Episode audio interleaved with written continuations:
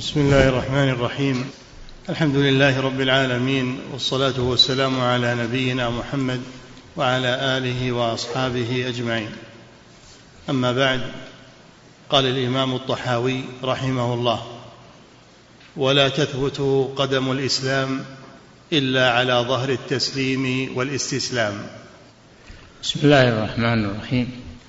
الحمد لله الصلاه والسلام على رسول الله وعلى آله وأصحابه ومن والاه وبعد. قال الإمام الطحاوي رحمه الله ولا تثبت قدم الإسلام. قدم الإسلام إلا على التسليم والاستسلام. لا تثبت قدم الإسلام إلا على شيء واحد وهو التسليم لله عز وجل. فيما أنزل من كتابه ولرسوله صلى الله عليه وسلم فيما ذكر في سنته. بهذا تثبت قدم الإسلام تسليم عدم الاعتراض على شيء مما في الكتاب والسنة والاستسلام بالعمل التسليم بالاعتقاد والاستسلام بالعمل بأن يعمل بما في القرآن وما في السنة النبوية. بهذا تثبت قدم الإسلام. وأما الدخول في الجدل الجدليات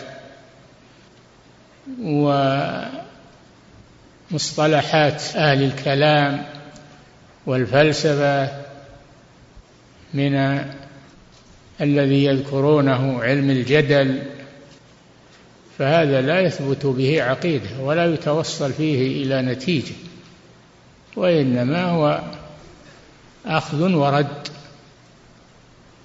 والنتيجة لا شيء إنما الذي يريد ثبوت قدمه على الإسلام أن يسلم لما في الكتاب والسنة ويبني عقيدته عليهما كتاب الله وسنة رسوله صلى الله عليه وسلم. ولا ينظر إلى علم الجدل وعلم الكلام وما أشبه ذلك فإن هذه لا توصله إلى نتيجة ولا توصله إلى المعتقد الصحيح فما من راد إلا ومردود عليه. كما قال الإمام مالك رحمه الله ما منا إلا راد ومردود عليه إلا صاحب هذا القبر. يعني رسول الله صلى الله عليه وسلم. قال هذا الكلام في مسجد رسول الله صلى الله عليه وسلم. الذي يريد النجاة تمسك بالكتاب والسنة في العقيدة وفي العمل وفي المعاملات وفي كتاب أنزلناه إليك مبارك ليدبروا آياته ويتذكر وليتذكر أولو الألباب. ففيهما القناعة وفيهما الخير وفيهما الحق الذي لا ريب فيه. وحتى لو لم تفهم بعض الأشياء في الكتاب والسنة عليك أن تسلم حتى يسر الله لك الفهم. نعم. قال الإمام الطحاوي رحمه الله ولا تثبت قدم الإسلام إلا على ظهر التسليم والاستسلام. قال الشارح رحمه الله هذا من باب الاستعارة. إذ القدم الحسي لا تثبت إلا على ظهر شيء أي لا يثبت إسلام من لم يسلم لنصوص الوحيين وينقاد إليها. نعم. أي لا يثبت إسلام من لم يسلم لنصوص الوحيين وينقاد إليها ولا يعترض عليها ولا يعارضها برأيه ومعقوله وقياسه. نعم. يسلم ويستسلم بالكتاب والسنة خصوصا في أمور العقيدة فليست مجالا للأخذ والرد وإنما تؤخذ العقيدة من الكتاب والسنة وما عليه سلف هذه الأمة من الصحابة والتابعين وأتباعهم من القرون المفضلة. هذا الطريق الصحيح لدين الإسلام. نعم. روى البخاري عن الإمام محمد بن شهاب الزهري رحمه الله أنه قال من الله الرسالة وعلى الرسول البلاغ وعلينا التسليم. محمد بن شهاب الزهري من أئمة التابعين رحمه الله. يقول من الله الرسالة. من الله الرسالة. من الله الرسالة. وعلى الرسول البيان. يبين لنا الرسول صلى الله عليه وسلم ما أرسل به. وقد بينه لنا ووضحه لنا وقال تركتكم على البيضاء. ليلها كنهارها. لا يزيغ عنها إلا هالك. تركتكم على البيضة يعني على الجادة الواضحة. على الجادة الواضحة. وقال صلى الله عليه وسلم إني تارك فيكم ما إن تمسكتم به لن تضلوا بعدي كتاب الله وسنتي. من تمسك بهذين الأصلين الكتاب والسنة وفهمهما فإنه لا يضل بإذن الله. نعم. أنه قال من الله الرسالة وعلى الرسول البلاغ وعلينا التسليم. من الله الرسالة. الله هو الذي أرسل رسوله بالهدى ودين الحق. فمن الله جل وعلا الرسالة التي أوحاها إلى نبيه محمد صلى الله عليه وسلم وكذلك من قبله من الأنبياء والمرسلين. والله جل وعلا لم يترك عباده هملا ولا سدى وإنما أرسل إليهم رسلا وأنزل عليهم كتبا بينها لهم يمشون عليها وقال جل وعلا وأن هذا صراطي مستقيما فاتبعوه ولا تتبعوا السبل فتفرق بكم عن سبيله. ذلكم وصاكم به لعلكم تتقون. هذه وصية الله جل وعلا. أن نتمسك بكتاب الله وسنة نبيه صلى الله عليه وسلم وندع ما سواهما من الأقوال والأفكار والمذاهب فإن هذه هي الجادة الواضحة وما عداها فهو سبل تتفرق بأهلها. على كل سبيل منها شيطان قال صلى الله عليه وسلم على كل سبيل منها شيطان. يدعو الناس إليه. شيطان يعني سواء كان من الجن أو من الإنس لأن الإنس فيهم شياطين شياطين الإنس والجن. يوحي بعضهم إلى بعض زخرف القول غرورا. فهناك شياطين من الجن والإنس يحاولون صرف الناس عن الصراط المستقيم إلى مذاهبهم وأقوالهم. وأقوال شيوخهم. وهذا هو الضلال المبين. ما عندهم هدى ولا عندهم بيان. إنما الهدى والبيان والحق في كتاب الله سنة رسوله صلى الله عليه وسلم. وماذا تريد بعد ذلك؟ نعم. وعلينا التسليم.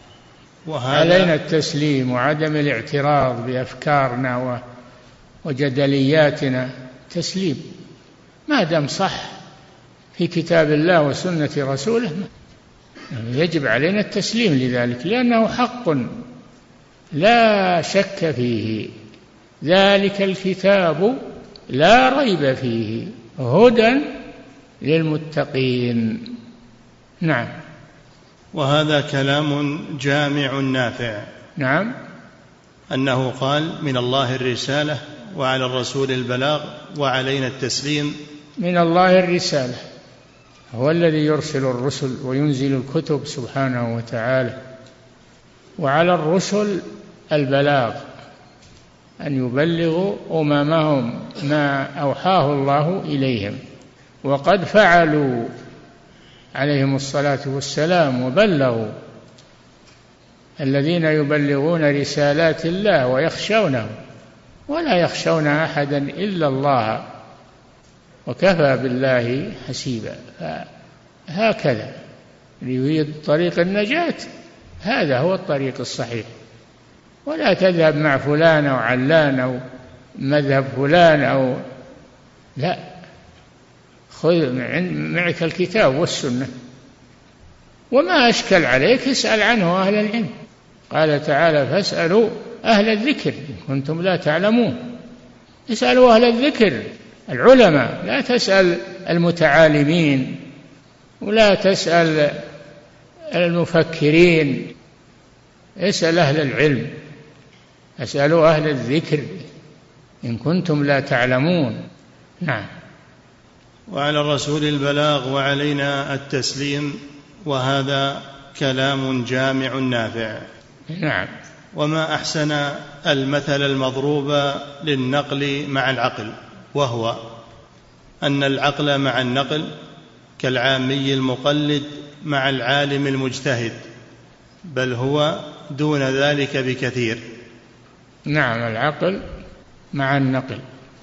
النقل ها؟ للنقل مع العقل أن العقل مع النقل كالعامي المقلد مع العالم المجتهد. أي نعم. فنحن مع كتاب الله إنما هذا من الله عز وجل هو الذي اختاره. كذلك أوحينا إليك روحا من أمرنا. ما كنت تدري ما الكتاب ولا الإيمان. الرسول صلى الله عليه وسلم قبل أن يوحى إليه ما كان يدري ما الكتاب ولا ولا الإيمان. إنما لما أوحى الله إليه صار يدري ويعرف. نعم. فإذا عرف العامي المقلد عالما فدل عليه عاميا آخر ثم اختلف المفتي والدال فإن المستفتي يجب عليه قبول المفتي دون الدال. فلو قال الدال الصواب معي دون المفتي لأني أنا الأصل في علمك بأنه مفت فإذا قدمت قوله على قولي قدحت في الاصل الذي به عرفت أنه مفت فلزم القدح في فرعه.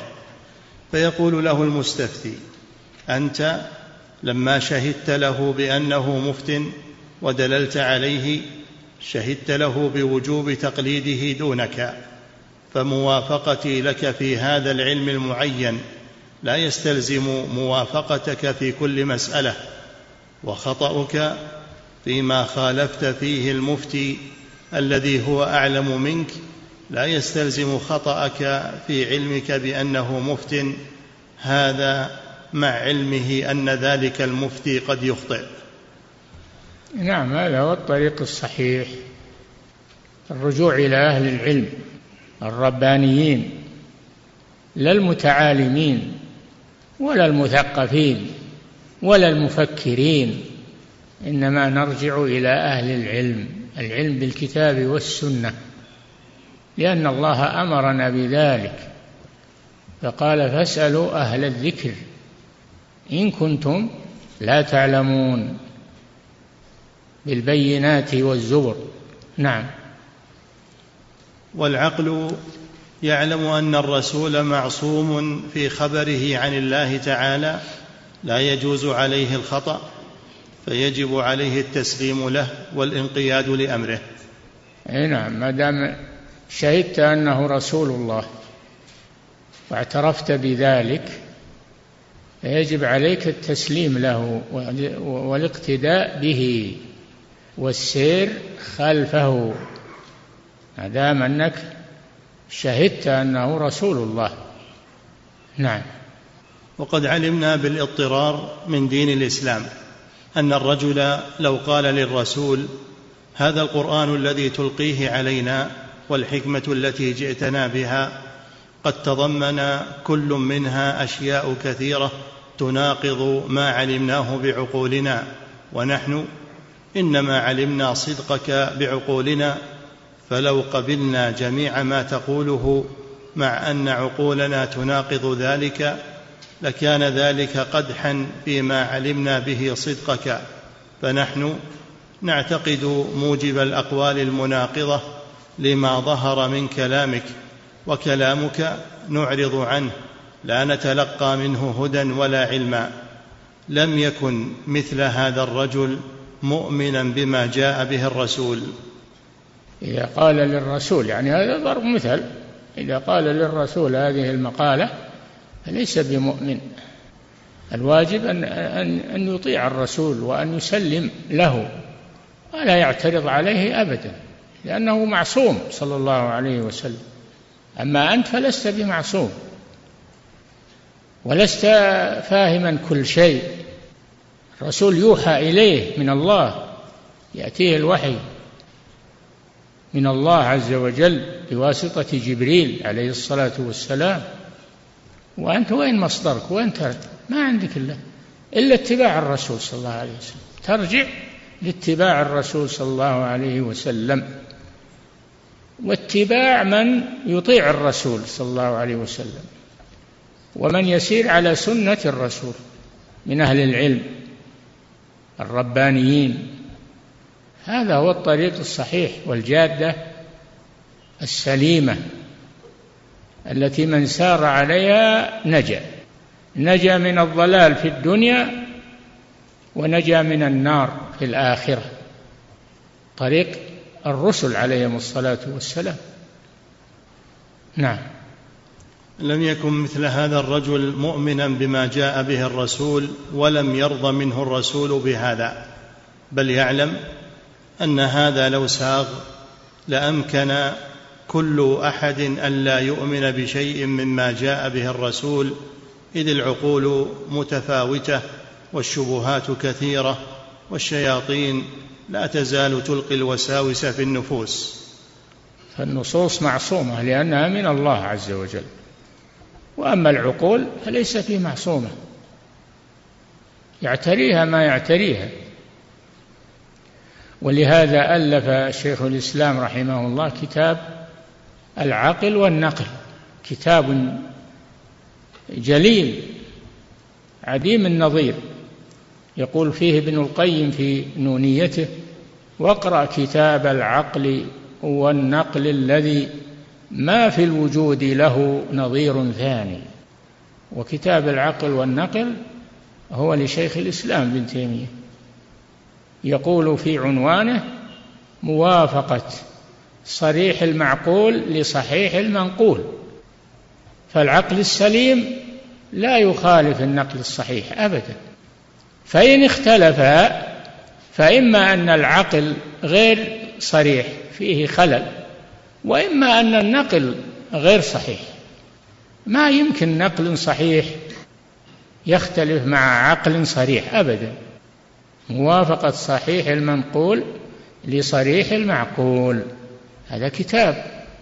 واقرأ كتاب العقل والنقل الذي ما في الوجود له نظير ثاني. نعم. إذ العقول متفاوتة والشبهات كثيرة والشياطين لا تزال تلقي الوساوس في النفوس فيمكن كل أحد أن يقول مثل هذا في كل ما أخبر به الرسول وما أمر به. إي نعم اللي ما يسلم للرسول وسنته ولا يسلم قبل ذلك للقرآن الكريم هذا يضيع ويضل ومتعرض لشياطين الإنس والجن الذين يضلونه عن سبيل الله. فلا سلامة ولا نجاة إلا باتباع الكتاب والسنة. إلا باتباع كتاب الله وسنة رسوله صلى الله عليه وسلم. فهما طريق النجاة ولكن الكتاب والسنة يحتاجان إلى عناية بهما أن تتعلم الكتاب والسنة أن تفهم أن تسأل عما أشكل عليك. نعم. وقد قال الله تعالى وما على الرسول إلا البلاغ المبين. وما على الرسول أي رسول من الرسل عليهم الصلاة والسلام إلا البلاغ البلاغ المبين. أما أنه يهدي الناس الرسول ما يهدي. إنك لا تهدي من أحببت. الرسول ما يهدي أحدا يعني هداية توفيق. الهداية على قسمين هداية دلالة وإرشاد وهذه يملكها الرسول ويملكها العلماء يدلون ويرشدون. وهداية توفيق هداية توفيق وهذه لا يملكها إلا الله سبحانه وتعالى. يقول الله لرسوله صلى الله عليه وسلم إنك لا تهدي من أحببت ولكن الله يهدي من يشاء. يعني هداية التوفيق. وأما هداية الدلالة فهذه بلغها الرسول وقام بها والرسل من قبله. نعم. وقال تعالى فهل على الرسل إلا البلاغ المبين؟ يقول الله جل وعلا فهل على الرسل إلا البلاغ المبين؟ يعني ليس عليهم أن يهدوا الناس وأن يوفقوا الناس. هذا ما لا يملكونه. هذا بيد الله سبحانه وتعالى. هداية التوفيق لا يملكها إلا الله. أما هداية الدلالة والإرشاد هذه يملكها الرسل ويملكها العلماء يدلون ويرشدون. نعم. وقال تعالى وما أرسلنا من رسول إلا بلسان قومه ليبين لهم فيضل الله من يشاء ويهدي من يشاء.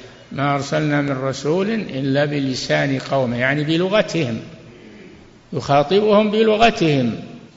ما يخاطبهم بلغة لا يعرفونها. بلغتهم رسولنا عربي لأننا عرب. والإنجيل هذا للنصارى والتوراة هذه لليهود. وكل أمة لها كتاب أنزله الله عز وجل. نعم. وما أرسلنا من رسول إلا بلسان قومه ليبين لهم. بلسان قومه ليبين لهم.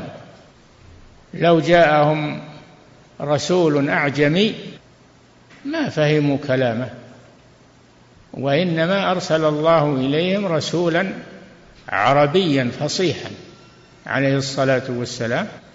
وكذلك الأمم يرسل الله لها من يبلغها بلسانها ولغتها. نعم. ليبين لهم فيضل الله من يشاء ويهدي من يشاء. بعد البيان يضل الله من يشاء. الذي يعلم أنه لا يستحق الهداية ويهدي من يشاء. الذي يعلم سبحانه أنه يستحق الهداية فيهديه سبحانه. نعم. وقال تعالى قد جاءكم من الله نور وكتاب مبين. نور وكتاب مبين. جاءكم من الله نور هداية واضحة وكتاب مبين وهو القرآن. نعم. وقال تعالى حاميم والكتاب المبين. حاميم هذه حروف مقطعة. حاء ميم حروف مقطعة في أول السور. الله أعلم بمراده بها. قال شيخ الإسلام لا هذه حروف مقطعة لها حكمة.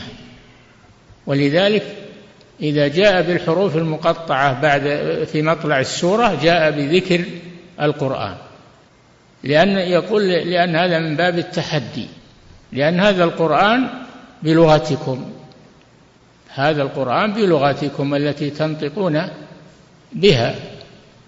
فلماذا لا تهتدوا به وتعملوا تعملوا به وتسيروا على منهجه وهو بلغتكم؟ نعم. حاميم والكتاب المبين. ولو جعلناه قرآنا أعجميا لقالوا لولا فصلت آياته أعجمي وعربي. ما يمكن هذا. نعم. حاميم والكتاب المبين. وقال تعالى تلك آيات الكتاب المبين. مبين المبين الموضح. فالقرآن والتوراة والإنجيل والزبور وكل الكتب الإلهية غايتها أن توضح للناس طريق النجاة والسلامة. نعم. وقال تعالى ما كان حديثا يفترى. ولكن ما كان القرآن حديثا يفترى يدخل يدخله الكذب أو يدخله الشك لأنه من عند الله عز وجل. نعم. ولكن, ولكن تصديق الذي بين يديه وتفصيل كل شيء وهدى ورحمة لقوم يؤمنون. نعم. وقال تعالى ونزلنا عليك الكتاب تبيانا لكل شيء وهدى ورحمة وبشرى للمسلمين. إي نعم وبشرى للمسلمين للمسلمين خاصة. أما الذين لا يهتدون به ولا يعترفون به فهو عليهم عمى والعياذ بالله. نعم. فأمر فأمر الإيمان بالله واليوم الآخر. ها؟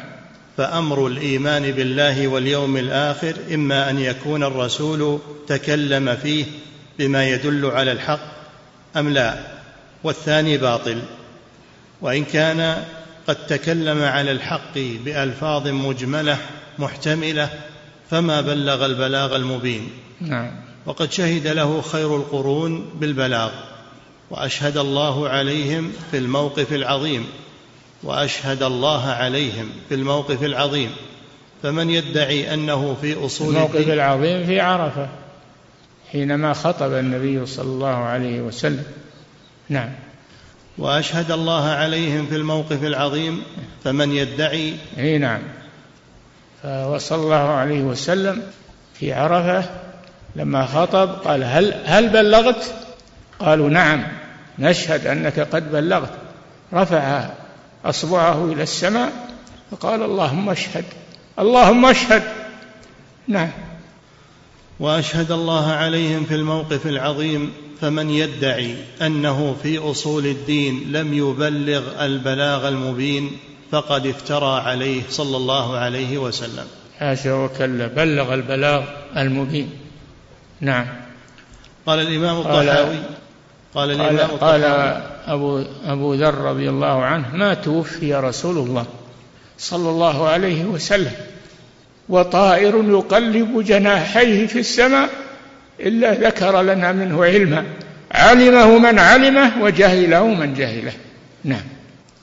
قال الإمام الطحاوي رحمه الله فمن رام علم ما حضر عنه علمه ولم يقنع بالتسليم فهمه حجبه مرامه عن خالص التوحيد وصافي المعرفة وصحيح الإيمان. قال الشارح نعم. رحمه الله هذا تقرير للكلام الأول وزيادة تحذير أن يتكلم في أصول الدين بل وفي غيرها بغير علم. نعم. قال تعالى ولا تقف ما ليس لك به علم إن السمع والبصر والفؤاد كل أولئك كان عنه مسؤولا. ولا تقف يعني لا تتبع ما ليس لك به علم. لا تتبع ما ليس لك به علم. شيء لا تفهمه ولا تدري عنه. اسأل عنه حتى تعرفه. نعم.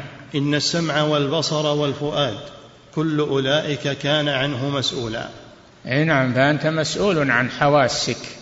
السمع والبصر والفؤاد وهو القلب كلها ستسأل عنها يوم القيامة وستشهد عليك أيضا.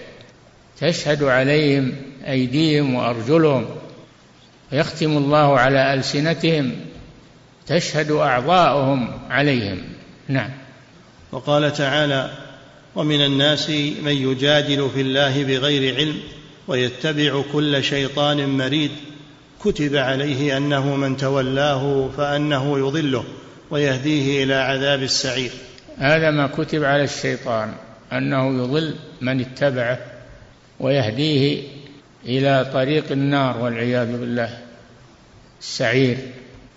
هذا فيه التحذير من اتباع الشيطان سواء من شياطين الإنس أو من شياطين الجن. اتبع الرسول صلى الله عليه وسلم. ومن يقتدي بالرسول؟ إن كنت تريد النجاة. ولا تتخذ أئمة يضلونك عن سبيل الله عز وجل. تقول هذول معصومون وهؤلاء وصلوا إلى الله وليسوا بحاجة إلى الرسل لأنهم وصلوا إلى الله. بعضهم يقول أنا مالي ما أنا ما أحتاج إلى الرسول لأني وصلت إلى الله أخذ من الله قبحهم الله. ومن الناس من يجادل بالله. يسمونها العارف بالله. العارف بالله هذا عندهم اللي وصل إلى الله ولا يحتاج إلى الرسول عندهم. نعم. وقال تعالى ومن الناس من يجادل في الله بغير علم ولا هدى ولا كتاب منير ثاني عطفه ليضل عن سبيل الله. له في الدنيا خزي ونذيقه يوم القيامة عذاب الحريق. هذه عاقبته والعياذ بالله. له في الدنيا خزي ونذيقه يوم القيامة من عذاب الحريق.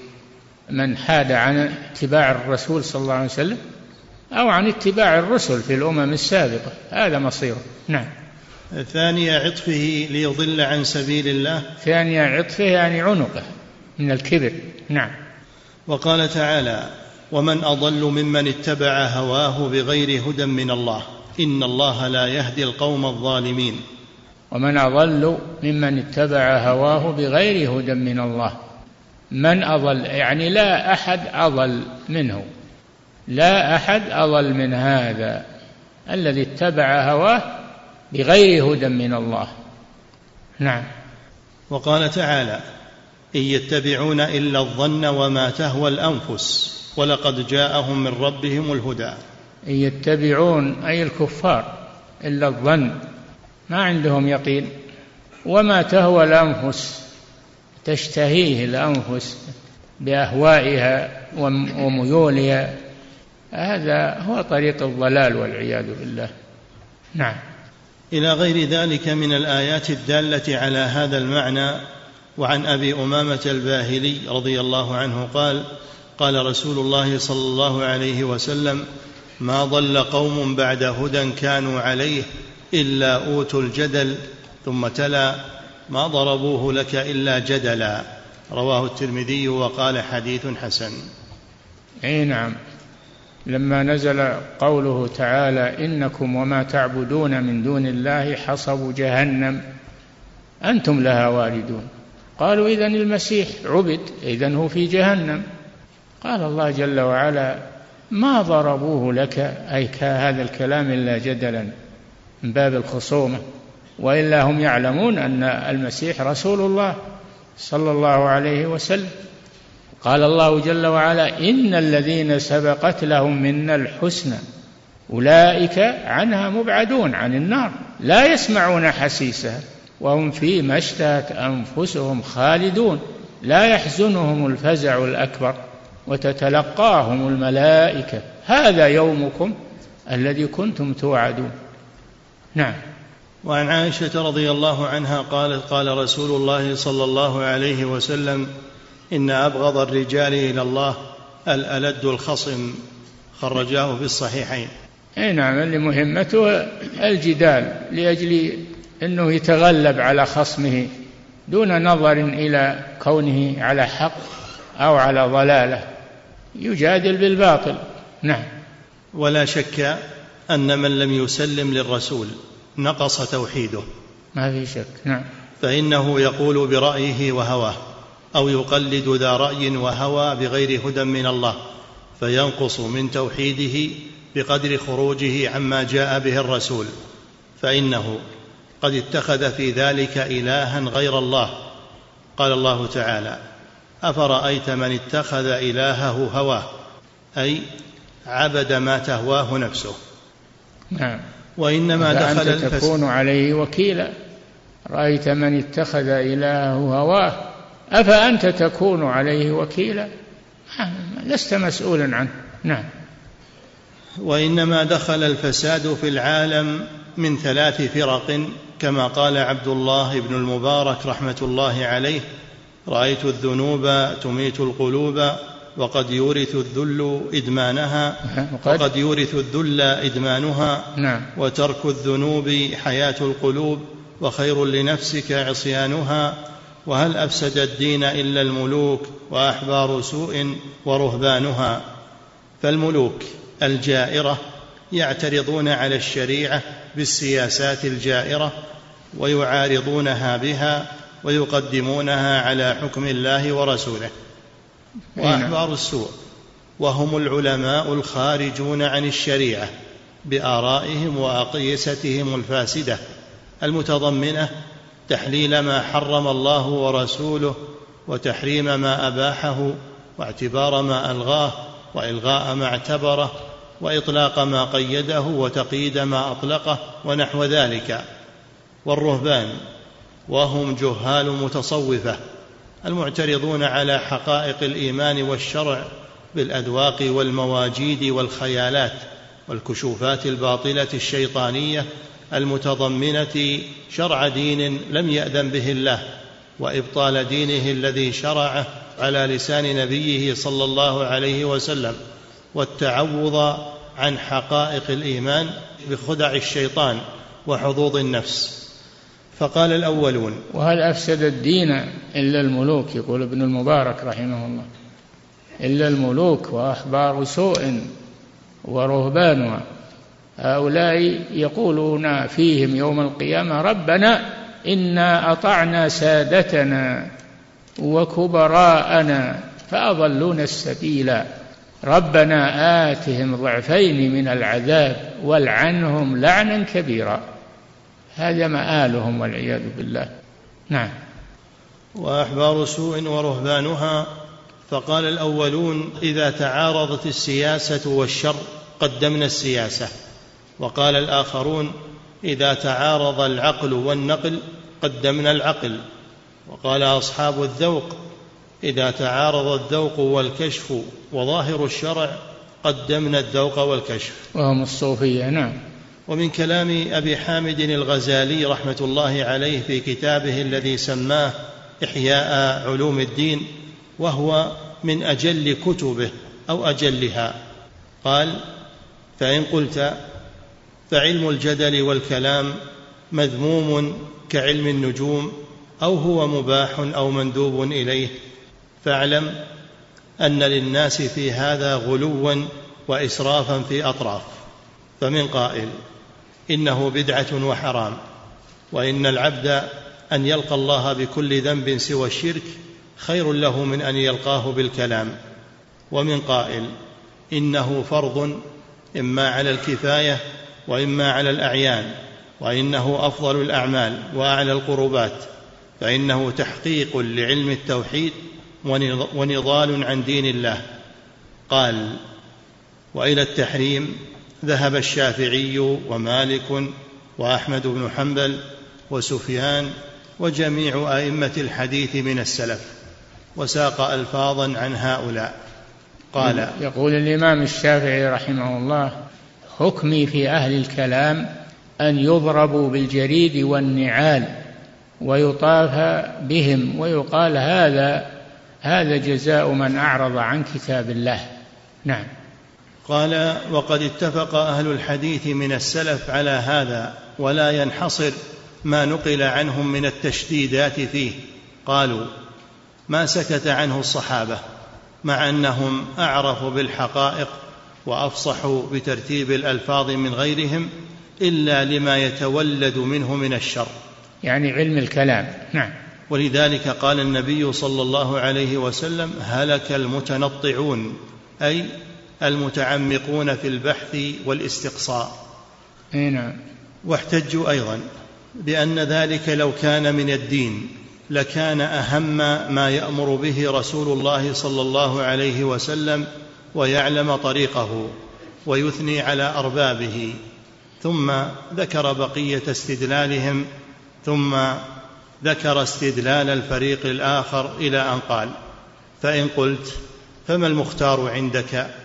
فأجاب بالتفصيل فقال فيه منفعة وفيه مضرة فهو, فهو باعتبار منفعته في وقت الانتفاع حلال أو مندوب أو واجب كما يقتضيه الحال.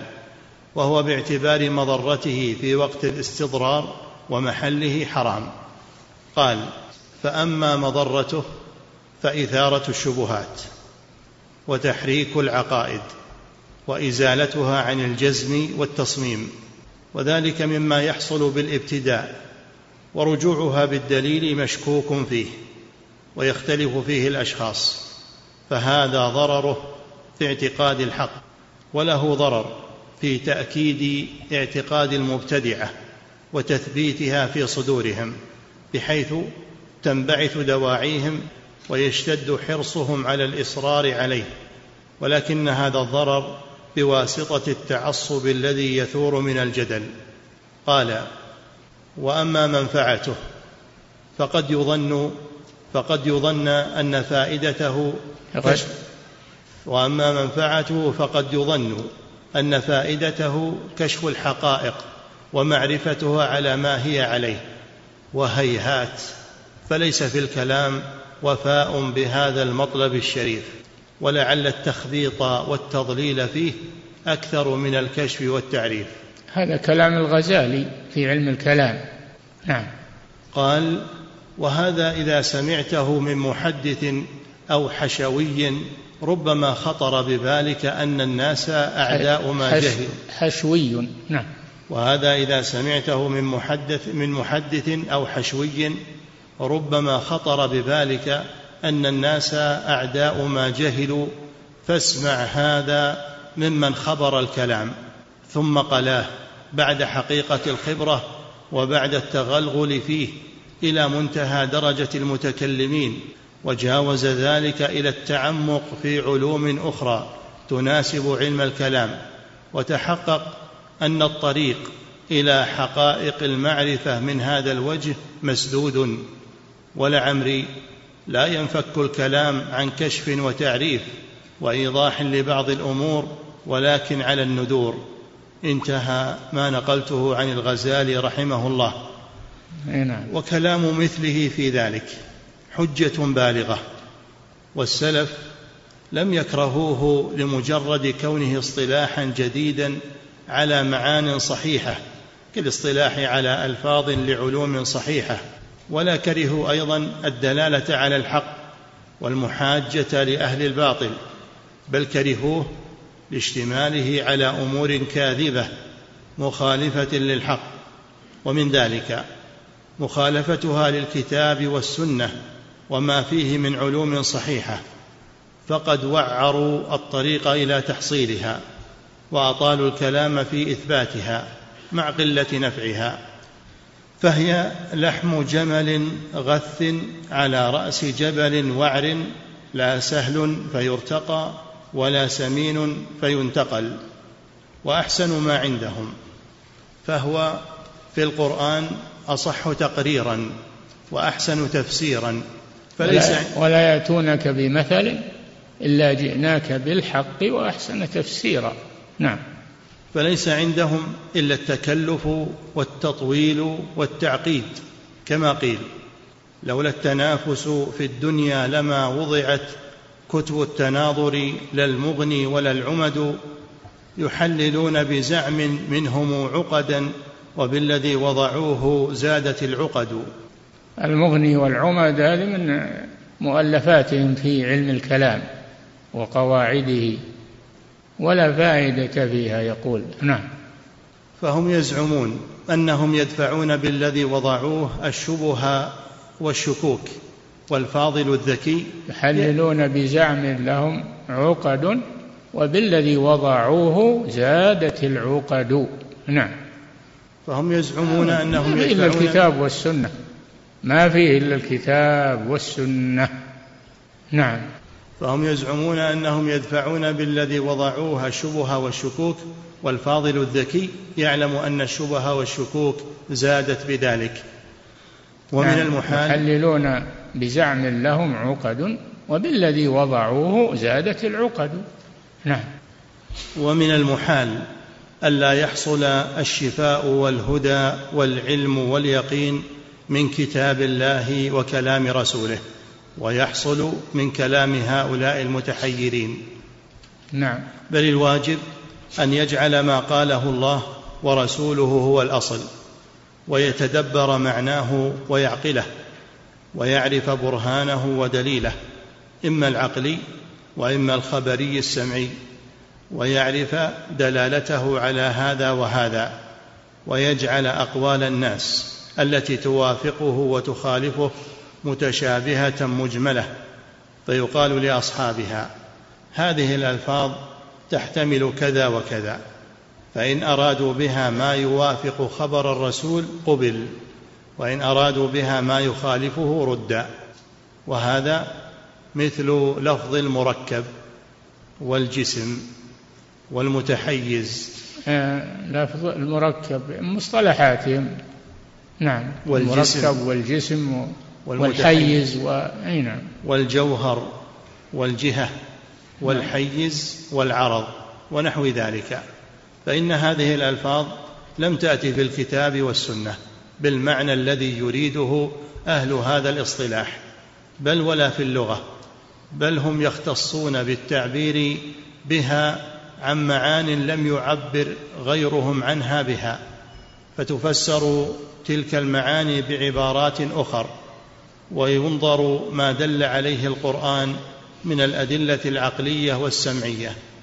وإذا وقع الاستفسار والتفصيل تبين الحق من الباطل. مثال ذلك في التركيب فقد صار له معان. أحدها يكفي نقف على هذا. نعم. الحاصل أن هذا ذم لعلم الكلام. وقواعده وحث على الأخذ بالكتاب والسنة وما آه، تدل عليه اللغة العربية التي نزل بها القرآن وتكلم بها الرسول صلى الله عليه وسلم لا من مصطلحات أهل الكلام ومن شابههم أو سار على منهجهم.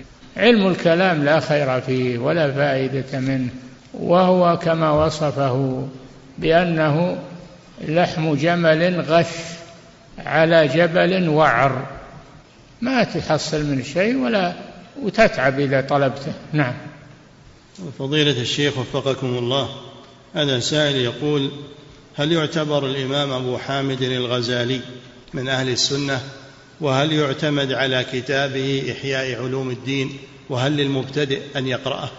لا لا يقرأه المبتدئ وإنما يقرأه المتمكن ليأخذ مما فيه من الحق ويترك ما فيه من اللبس أو من الخطأ لأنه من صنع البشر. يصير فيه خطأ يصير فيه نعم. ليس معصوما. نعم. فضيلة الشيخ وفقكم الله هذا سائل يقول ذكرتم حفظكم الله في بداية الدرس أن على الإنسان أن يسأل أهل العلم ولا يسأل المتعالمين. نعم. يقول نحن طلبة العلم الصغار كيف نستطيع التفريق بين العالم والمتعالم؟ يا أخي العالم ما هو بخفي يعرفه الناس اسأل الناس عنه ما هو بخفي العالم كل يعرفه. نعم. فضيلة الشيخ وفقكم الله هذا سائل يقول هذه العبارة وهي قولهم الله سبحانه لم نره لكن عرفناه بالعقل هل هذا الكلام صحيح؟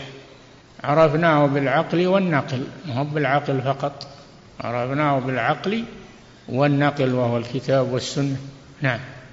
فضيلة الشيخ وفقكم الله هذا سائل يقول كتاب شيخ الإسلام ابن تيمية رحمه الله العقل والنقل هل ينصح طالب العلم المبتدئ أن يقرأ فيه؟ لا لا ما يقرأ فيه بحر عميق يغرق فيه ما يقرأ فيه إلا المختصون.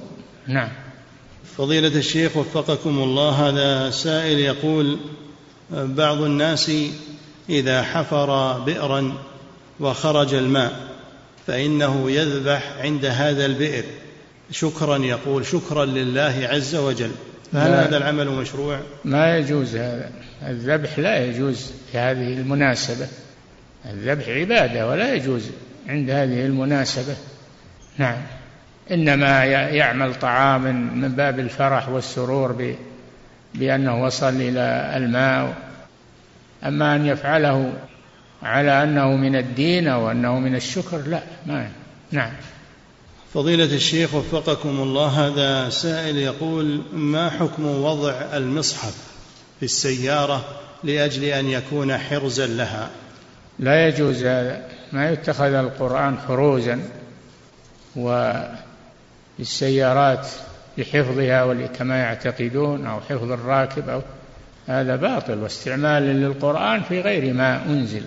الله جل وعلا يقول كتاب أنزلناه إليك مبارك ليدبروا آياته وليتذكر أولو الألباب.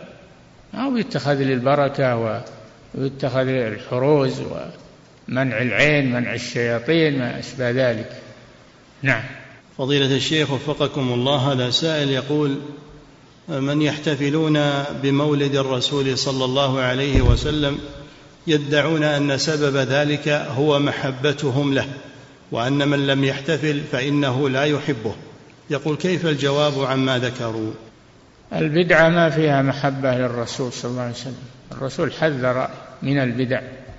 عليكم بسنتي وسنة الخلفاء الراشدين المهديين تمسكوا بها وعضوا عليها بالنواجذ وإياكم ومحدثات الأمور وهذا من محدثات الأمور.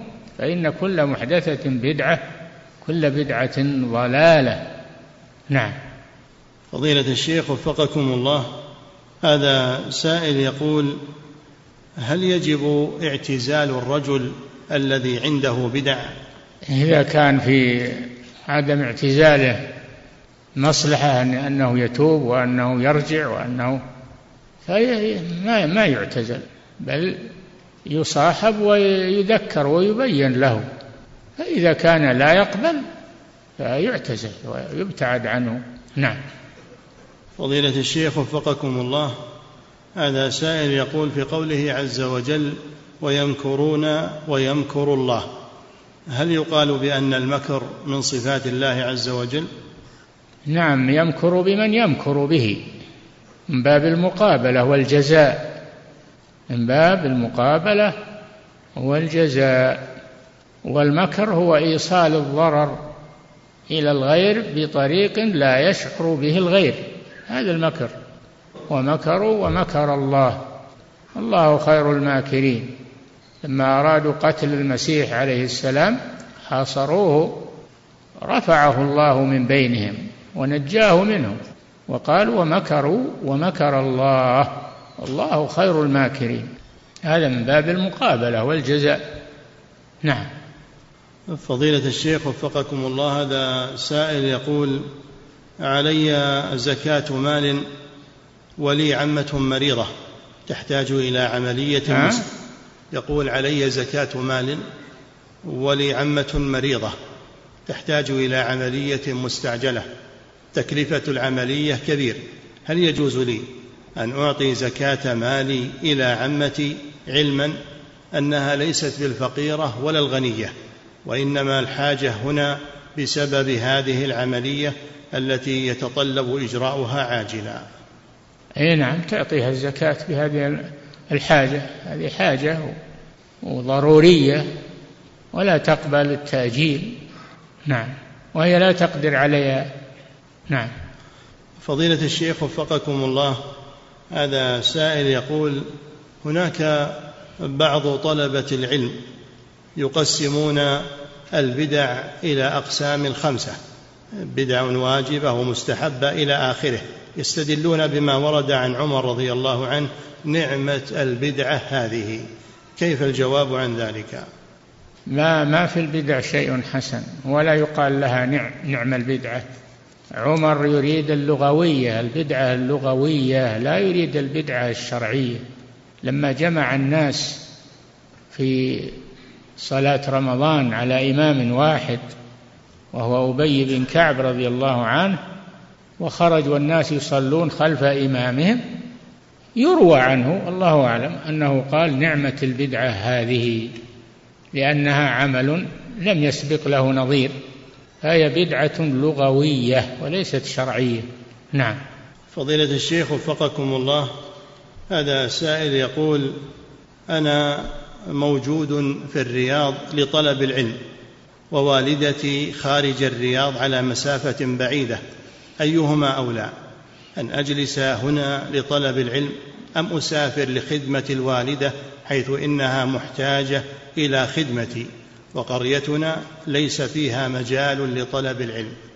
لا سافر لها واجلس عندها واخدمها.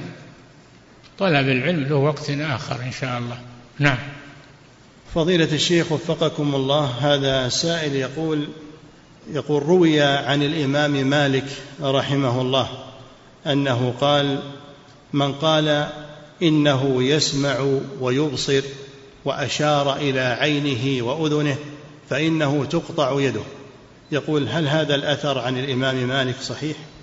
والله ما سمعته ولا وقفت عليه نعم فضيلة الشيخ وفقكم الله هذا سائل من خارج هذه البلاد يقول إذا كان رئيس المركز الإسلامي في بلادنا بلاد يقول الكفر إذا كان من أهل البدع فهل يجب علينا طاعته في ذلك والاجتماع في هذا؟ لا لا يجوز اجتماعه من أهل البدع ولا يصلح يكون رئيس مركز. ما يصلح هذا يكون رئيس مركز.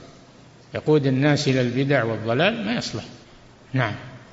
فيجب على المسلمين الذين تكون منهم هذا المركز أن يستبدلوه بغيره. نعم.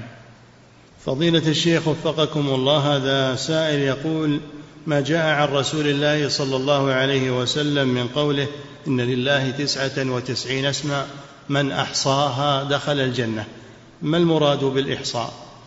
الإحصاء معرفتها ومع معرفة معناها والعمل ودعاء الله بها توسل إلى الله بها ولله الأسماء الحسنى فادعوه بها. نعم. فضيلة الشيخ وفقكم الله هذا سائل يقول جاء عن رسول الله صلى الله عليه وسلم أنه قال يؤم القوم أقرأهم لكتاب الله. هل المقصود بالأقرأ هو الأكثر حفظا أو أنه الأعلم بالتفسير ومعاني القرآن؟ لا الأجود قراءة. الأجود قراءة وإتقانا للقرآن. الأجود المراد بالأقرأ الأجود قراءة. نعم. فضيلة الشيخ وفقكم الله هذا سائل يقول هناك من يذكر بأنه في هذا الزمن يقول زمن الفتن الأفضل هو الاقتصار على قراءة الكتب كتب أهل العلم وعدم حضور مجالس العلماء. هل هذا الكلام صحيح؟ هذا كلام باطل. لا بد من حضور مجالس العلماء والاستفادة منهم. العلماء ما ما هو يعني غير العلماء. العلماء حقا. العلماء المتمسكين بكتاب الله وسنة رسوله صلى الله عليه وسلم الذين يستفيد منهم الحضور. هذول هم العلماء الذين يحضر عندهم ويحرص على كلامهم نعم. فضيلة الشيخ وفقكم الله هذه امرأة تسأل فتقول تقول إنني لا أنكر حكم التعدد للزوجات ولكنني لا أستحمله على نفسي ويريد زوجي أن يفعله. فأخاف على ديني. سؤالها سمعت من بعض الناس أنه يجوز أن تطلب المرأة الخلع بهذا السبب فهل ما يذكرونه صحيح؟ أن؟ أن تطلب الخلع لهذا السبب. لا يجوز لها ذلك. ترضى بحكم الله ربما أن هذا خير لها و وله فلا تكره شيئا أباحه الله. نعم. فضيلة الشيخ وفقكم الله هذا سائل يقول بعض الناس إذا مات لهم ميت فإنهم يذبحون بعد موته ذبيحة بعد ثلاثة أيام ويزعمون أنه ينتفع بذلك ويحصل على أجر. هل هذا الأمر صحيح؟ هذا بدعة كل بدعة ضلالة. أي نعم فالذبح يسمونه ذبح الحفرة. هذا ما يجوز بدعة. نعم. فضيلة الشيخ وفقكم الله هذا سائل يقول ما حكم ما حكم شد الرحال لزيارة القبر؟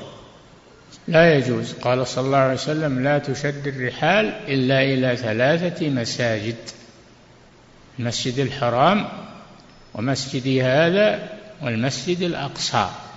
هذه المساجد الثلاثة مساجد الأنبياء عليهم الصلاة والسلام. سافر إليها للصلاة فيها.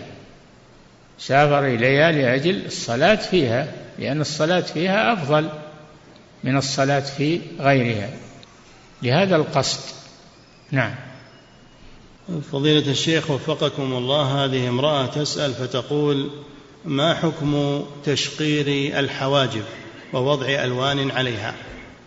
لا يجوز هذا. هذا لا يجوز. حرام لأنه لا حقيقة له وإنما هو كذب. كذب وبهرجة وتغيير لخلق الله. ليس من الزينة. نعم.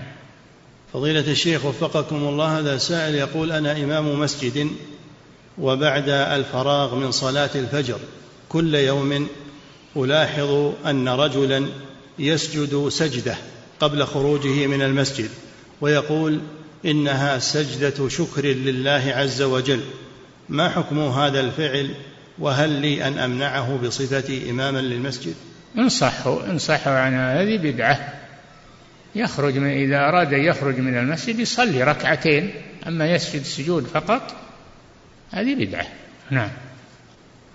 فضيلة الشيخ وفقكم الله هذا سائل يقول لبس الساعة في اليد اليمنى هل صحيح أن هذا هو السنة؟ لا هذا من المباح. هذا مباح ولا يقال سنة. نعم.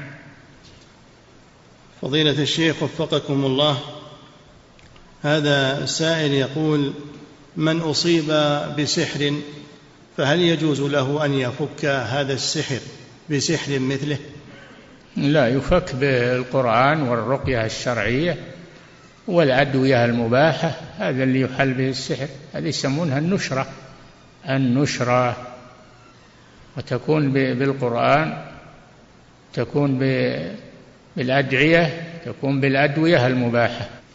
الشيخ محمد بن عبد الوهاب رحمه الله في كتاب التوحيد يقول باب ما جاء في النشرة.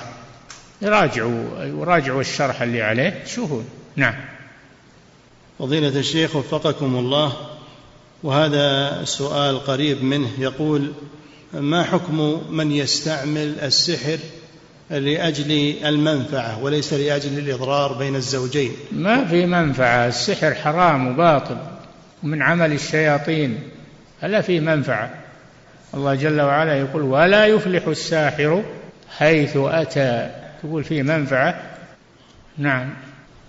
فضيلة الشيخ وفقكم الله هذا سائل يقول إذا ازدحم المسجد وضاق بأهله هل للمأمومين أن يصلوا عن يمين الإمام وعن يساره؟ نعم لا بأس. إذا احتاجوا إلى هذا لا بأس. نعم. فضيلة الشيخ وفقكم الله. وهذا سائل يقول هناك بعض الدعاة يصدر منهم مخالفات بدعية أو عقدية. هل يجوز للإنسان أن يشهر بهم في المجالس وأن يذمهم ويبين شرهم؟ عليه أنه ينصحهم أولا ليتركوا هذا فإذا لم يتركوه فإنه يحذر منهم. نعم. فضيلة الشيخ وفقكم الله هذا سائل يقول كلفني أحد الأصدقاء بتوزيع صدقة مال وهو يعلم بظروفي فتصدقت بنصف المال والنصف الآخر وهبته لأسرتي. هل علي شيء في ذلك؟ إي نعم هذا لا يجوز لأنك أمين والأمين لا يأخذ لا يأخذ لنفسه ولا يأخذ لمن يمونه شيء من ما ائتمن عليه بل ينفذه كما قال صاحبه نعم فضيلة الشيخ وفقكم الله هذا سائل يقول البيع بعد النداء الثاني من يوم الجمعة هو أمر محرم. فهل التأجير يأخذ نفس الحكم؟ إي نعم. التأجير بيع بيع منفعة. نعم. فضيلة الشيخ وفقكم الله هذا سائل يقول ما حكم شراء الذهب الجديد بذهب قديم مع عدم التساوي؟ لا يجوز. الربا لا يجوز. ذهب بذهب وزيادة هذا ربا ولا يجوز. نعم. ال ال الذي ترغب عنه بعه واشتر بثمنه الشيء الذي ترغبه. هكذا قال الرسول صلى الله عليه وسلم بع الجمع بالدراهم واشتري بالدراهم جنيبا يعني تمر. نعم. فضيلة الشيخ وفقكم الله هذا سائل يقول إذا حج الطفل متمتعا فهل عليه هدي؟ وإن لم يستطع الهدي فهل عليه صوم؟ نعم الطفل مثل الكبير. يجب عليه الهدي إذا تمتع يجب عليه الهدي ويتولى هذا وليه وليه يتولى هذا ويقوم به بدلا عنه. نعم. فضيلة الشيخ وفقكم الله هذا سائل من خارج هذه البلاد يقول ما حكم القيام بالتدريس في مساجد أهل البدع؟ تدريس العقيدة. لكن مع عدم بيان ما عندهم من البدع. لا يجوز هذا لأنك قريت البدع. إذا سكت عنها فمعناه أنك رضيت بها وأقررتها. لا بد من إنكارها التحذير منها. نعم. فضيلة الشيخ وفقكم الله هذا سائل يقول كيف يستطيع الأب أن يحصن أولاده بالأذكار الشرعية؟ هل لا بد أن يكونوا أمامه؟ لا. ما هو بلازم. ما هو بلازم. يذكرهم في الأوراد الشرعية ولو لم يكونوا حاضرين عنده نعم. فضيلة الشيخ وفقكم الله هذا سائل يقول هل ثبت عن النبي صلى الله عليه وسلم صلاة أربع ركعات؟ يقول هل ثبت عن النبي صلى الله عليه وسلم صلاة أربع ركعات بعد صلاة العشاء؟ لا. هذا أشاعوه الآن في هذا الوقت ولا له أصل. نعم. فضيلة الشيخ وفقكم الله هذا سائل يقول من حنث في يمينه فهل يصير إلى الصوم مباشرة صيام ثلاثة أيام؟ من؟ من حنث في يمينه. حنث. من حنث في يمينه فهل يصير إلى الصيام صيام ثلاثة أيام مباشرة عند الكفارة؟ لا إذا كان كفارته إطعام عشرة مساكين من أوسط ما تطعمون أهليكم أو كسوتهم أو تحرير رقبة فمن لم يجد فصيام ثلاثة أيام. جعل في كفارة اليمين جعل فيها تخييرا وترتيبا تخييرا بين الثلاث وترتيبا بين الثلاث والصيام. نعم. فضيلة الشيخ وفقكم الله هذا سائل يقول هل قراءة الأذكار بعد صلاة الفجر وصلاة العصر أفضل أم قراءة القرآن؟ الورد دعاء الورد يكون بعد زوال الشمس في المساء وورد الصباح يكون بعد طلوع الفجر وإن تأخر عن ذلك لا بأس. نعم. فضيلة الشيخ وفقكم الله هذا سائل من خارج هذه البلاد يقول بعض الإخوة يترجمون جزءا من صفحة من بعض كتبكم وبعض فتاواكم هل يجب استئذانكم في كل فتوى يترجمونها وينشرونها؟ لا لا ما يجوز لهم هذا ولا نأذن بهذا لا بد يعرض علينا ما ترجموه. نعم. أو يجيبون لنا تقرير من جهة موثوقة على أنها الترجمة صحيحة. نعم. فضيلة الشيخ وفقكم الله هذا سائل يقول إذا حصلت مصيبة وحصل إذا حصلت مصيبة وحصل جزع فهل هذا الجزع أمر محرم؟ أي نعم. لا يجزع عند المصيبة وإنما يقول كما قال الله جل وعلا إذا أصابتهم مصيبة قالوا إنا لله وإنا إليه راجعون. نعم. انتهى وفقك الله. الله تعالى أعلم وصلى الله وسلم على نبينا محمد وعلى آله وأصحابه أجمعين.